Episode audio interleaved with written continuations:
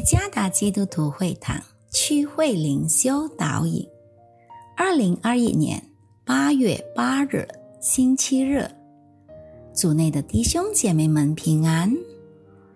今天的灵修导引，我们将会借着圣经箴言二十九章十一节来思想今天的主题：抑制愤怒。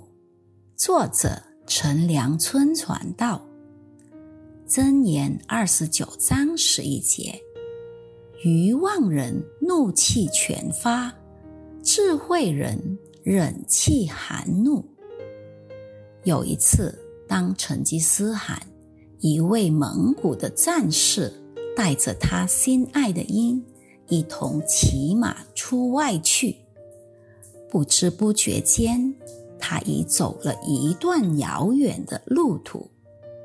成吉思汗也觉得又累又渴，然而他非常幸运，能发现到一滴滴的水从岩石的裂缝间滴落出来，就立即从他的马上面取出器皿，收集水来喝。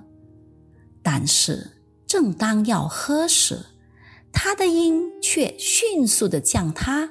打翻，那样的事反复了好几次，以致他怒发冲冠，当即就拔出他的剑，刺向他的鹰。那只鹰在一瞬间就死在他的手下。成吉思汗在那次事件之后，他继续探索水的源头。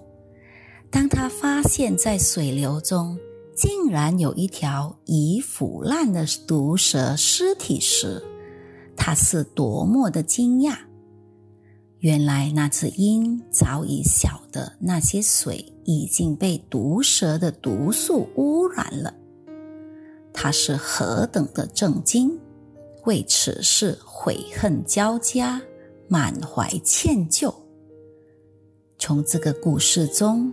我们可以得出结论，即是无法抑制的愤怒会给我们四周的人带来危害。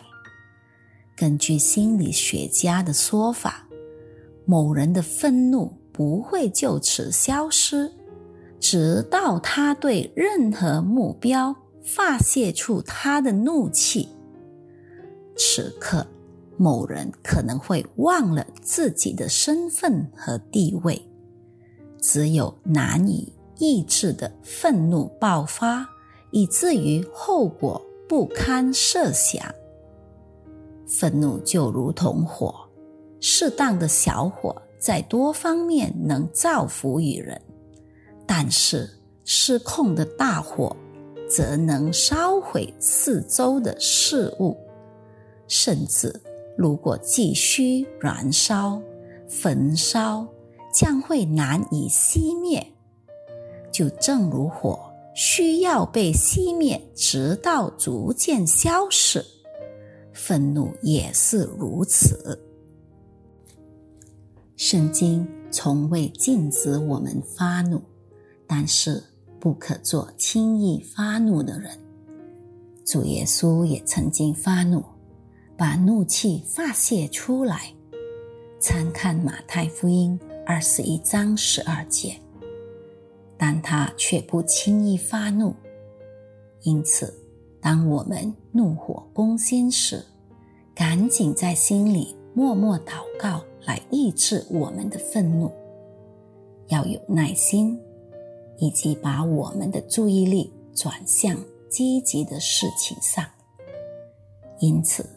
身为上帝的子女，我们务必小心谨慎，切勿让我们的愤怒造成错误和有害的行动。箴言作者比较了愚妄人和智慧人如何处理情绪的方式。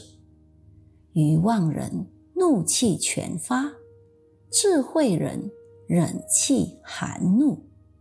所以，圣经显然建议愤怒是必须被平息的。无法抑制的愤怒只会留下万分的遗憾。愿上帝赐福于大家。